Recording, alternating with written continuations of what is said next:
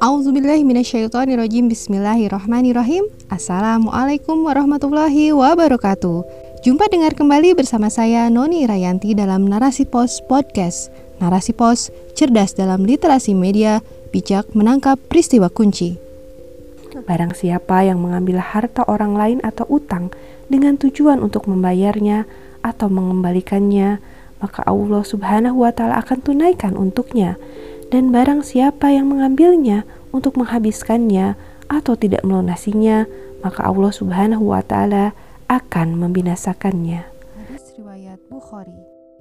Selengkapnya dalam rubrik Teenagers berjudul Bayar Utangmu Please oleh Andrea Ausi, pemimpin redaksi narasipos.com. Halo guys, tahu nggak kalau Islam itu memang sangat sempurna? Salah satu kesempurnaan Islam adalah mengatur dalam hal utang piutang. Dalam bahasa Arab, utang itu disebut al-qard yang secara etimologi artinya memotong. Sedangkan menurut syara atau kaidah Islam mempunyai makna memberikan harta dengan dasar kasih sayang kepada siapa pun yang membutuhkan dan dimanfaatkan dengan benar – serta akan dikembalikan lagi kepada yang memberikannya dalam arti pinjaman. Utang itu tidak selamanya dilakukan oleh orang yang mampu loh.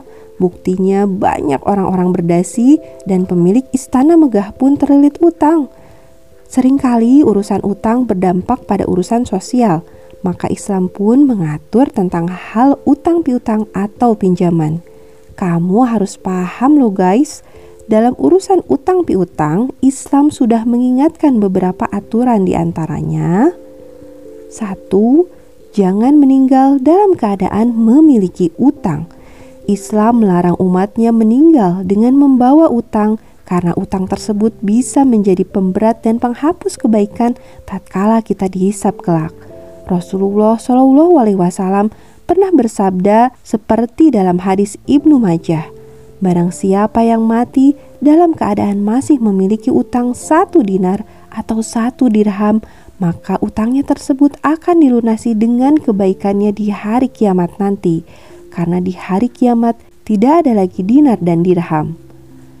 Dua, jiwa orang yang berutang masih menggantung. Wih, ngeri loh. Karena yang wafat dengan meninggalkan utang, maka jiwanya tidak diterima terlebih dahulu.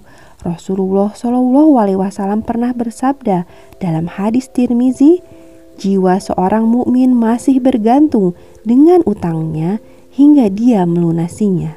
So please guys, lunasin dulu ya utangmu selagi diri masih mampu di dunia. Tiga, dosa utang tidak terampuni walau mati syahid. Nih guys, walaupun kita banyak amal dan sering berjuang demi Islam, hingga kita mati syahid, tapi dosa utang masih belum bisa diampuni. Rasulullah Shallallahu Alaihi Wasallam mengatakan dalam hadis Muslim, semua dosa orang yang mati syahid akan diampuni kecuali utang. Empat, utang bisa memperberat hidup di dunia dan akhirat. Ibnu Qayyim dalam Al-Fawaid halaman 57 Darul Akidah mengatakan, Nabi Shallallahu Alaihi Wasallam meminta perlindungan kepada Allah dari berbuat dosa dan banyak utang karena dosa akan mendatangkan kerugian di akhirat, sedangkan banyak utang akan mendatangkan kerugian di dunia. 5. Tidak mau membayar utang, maka dia pencuri. Nah ini dia guys, banyak orang pinjam utang tapi sangat malas membayarnya. Seperti yang aku alami guys, banyak sekali orang pinjam utang kepadaku sejak tahun 1991 sampai sekarang pun mereka belum bayar. Bahkan banyak yang menghilang tanpa kabar berita. Ada juga loh yang masih dekat dalam lingkunganku tapi pura-pura tidak ingat. Aku sudah mengingatkannya lebih dari tiga kali, tapi tidak digubris. Akhirnya aku biarkan saja utangnya. Anakku pernah bilang, Mami persis bang jalan. Banyak orang datang menyapa sekedar pinjam duit, tapi begitu diberi banyak, yang hilang tak tahu rimba. Padahal guys, Rasulullah Shallallahu Alaihi Wasallam pernah mengingatkan dalam hadis Ibnu Majah, siapa saja yang berutang lalu berniat tidak mau melunasinya, maka dia akan bertemu Allah Subhanahu wa taala dalam status sebagai pencuri. Lalu bagaimana dong kalau kita terpaksa harus berutang? Hmm, Islam pun mengatur hal-hal bagi mereka yang terpaksa harus berutang ada beberapa hal yang harus diperhatikan jika memang harus berutang. Satu, berutang karena terpaksa. Berutang diperbolehkan bagi mereka yang memang dalam kondisi terpaksa untuk memenuhi kebutuhan pokok, bukan untuk kebutuhan sekunder atau konsumtif. Harus dipastikan dan dihitung dengan cermat loh berapa kisaran untuk utang agar pembayarannya tidak menyusahkan di kemudian hari. Kedua, niatkan untuk membayarnya. Hmm, kebanyakannya orang yang meminjam utang sering malas untuk membayarnya. Walaupun sering diingatkan untuk membayarnya, tapi mereka suka pura-pura tuli atau tidak tahu. Bahkan ada yang suka bohong dengan berjanji buaya dan saat ditagih beribu alasan berhamburan dari lisan dan tulisan manisnya. Benar, apa yang dikhawatirkan Rasulullah untuk umatnya yang berhutang seperti sabda Rasulullah yang termaktub dalam hadis Bukhari 1.24.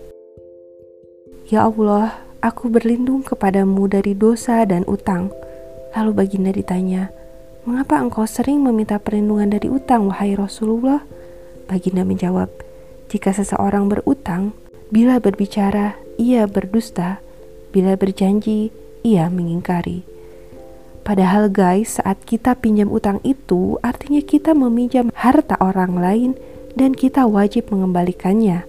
Rasulullah Wasallam pernah bersabda dalam hadis Bukhari, barang siapa yang mengambil harta orang lain atau utang dengan tujuan untuk membayarnya atau mengembalikannya, maka Allah Subhanahu wa Ta'ala akan tunaikan untuknya. Dan barang siapa yang mengambilnya untuk menghabiskannya atau tidak melunasinya, maka Allah Subhanahu wa taala akan membinasakannya. Wih, ngeri kan guys? Tiga, menghindari riba. Utang itu sangat sensitif dan mudah terjerumus dalam dunia riba. Riba adalah salah satu pengembangan harta yang diharapkan dari sebuah utang. Biasanya nih, para peminjam utang terpaksa menerima perjanjian riba yang ditentukan oleh peminjam utang. Padahal Islam jelas-jelas melaknat yang namanya riba, baik peminjam dan pemberi pinjaman, bahkan yang menyaksikan transaksi pinjaman utang dengan riba, hukumnya dosa. Aku pernah menyelidiki kehidupan buruh migran di Hong Kong beberapa tahun yang lalu di mana ratusan ribu para buruh migran terjerumus dalam dunia rentenir. Saat pertama kali mereka tiba di negeri Hong Kong, sudah disodori perjanjian utang yang mereka harus bayar ke agen dalam jumlah yang sangat besar, yaitu pemotongan gaji tujuh bulan beserta bunganya. Agen berdalih sebagai biaya kedatangan mereka bekerja di Hong Kong dengan mengambil pinjaman uang dari bank-bank Cina dengan suku bunga yang sangat tinggi. Saat mereka sudah terbebas dari pinjaman utang biaya agensi, mereka pun banyak yang terjerumus dalam dunia rentenir di prime credit dengan bunga yang sangat mencekik. Kebanyakannya mereka gunakan untuk biaya hidup yang lebih glamor, mengikuti arus kehidupan di Hong Kong atau mengirim kepada keluarganya di Indonesia. Dampaknya banyak yang terjerumus gali lubang, tutup lubang, dan kembali ke kampung halaman dengan tangan hampa. 4. Segera melunasi. Guys, utang itu memang terasa enak saat menerimanya, tapi terasa berat saat harus mengembalikannya. Selalu ada alasan menunda melunasi utang. Padahal guys, dengan sikap kita yang suka menunda-nunda utang itu, sama saja kita menzolimi pemberi utang. So, saat kita sudah mampu untuk mengembalikan utang, maka segera melunasinya. Ingat loh, Rasulullah sudah menasihati kita dalam hadis Bukhari, menunda pembayaran bagi orang yang mampu merupakan suatu kezoliman. Nah, bagi yang memberikan pinjaman utang, diharapkan untuk memberi kelonggaran waktu pada mereka yang memang benar-benar kesulitan mengembalikan pinjamannya, seperti nasihat Rasulullah Shallallahu Alaihi Wasallam dalam hadis Ibnu Majah, Tobroni, Al Hakim, Ibnu Ahmad dan Al Baihaqi. Barang siapa memberi tenggang waktu pada orang yang berada dalam kesulitan, maka setiap hari sebelum batas waktu pelunasan, dia akan dinilai telah bersedekah. Jika utangnya belum bisa dilunasi lagi, lalu dia memberikan tenggang waktu setelah jatuh tempo, maka setiap harinya dia akan dinilai telah bersedekah dua kali lipat nilai piutangnya. Pahamilah guys, kalau utang itu merupakan bendera kelemahan dan kehinaan diri seorang muslim di muka bumi. Jika Allah Subhanahu wa taala menghendaki kehinaan hambanya, maka Allah Subhanahu wa taala lilitkan utang kepadanya. Dari Ibnu Umar, Rasulullah Shallallahu alaihi wasallam bersabda dalam hadis Hakim, "Utang adalah bendera milik Allah di atas bumi. Jika dia menghendaki kehinaan seseorang hambanya, maka ditaruhlah utang tersebut di lehernya."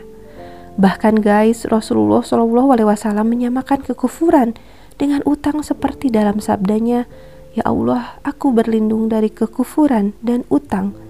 Mendengar itu seorang bertanya, Apakah engkau menyamakan kekufuran dengan utang, wahai Rasulullah? Benar, jawab Rasulullah Shallallahu Alaihi Wasallam. Hadis riwayat An-Nasai, jilid 2 halaman 316, Ahmad jilid 3 halaman 38, dan Al-Hakim. Wih, bicara tentang utang ternyata mengerikan ya guys. Untuk itu guys, jangan lupa kita sering berdoa agar terhindar dari bahaya utang seperti yang Rasulullah SAW ajarkan untuk umatnya. Allahumma angta takshiful magromi wal ma'thami fakshifhu anni. Allahumma inni a'udzubika minal ma'thami wal maghram. Ya Allah, Engkau maha menyingkapkan atau mengenyahkan utang dan dosa maka singkapkanlah dari diri hamba. Ya Allah, hamba memohon perlindungan diri dari terpaan dosa dan lilitan hutang. Wallahu alam bisawab. Double Bay Sydney 26 Juni 2022. Wassalamualaikum warahmatullahi wabarakatuh.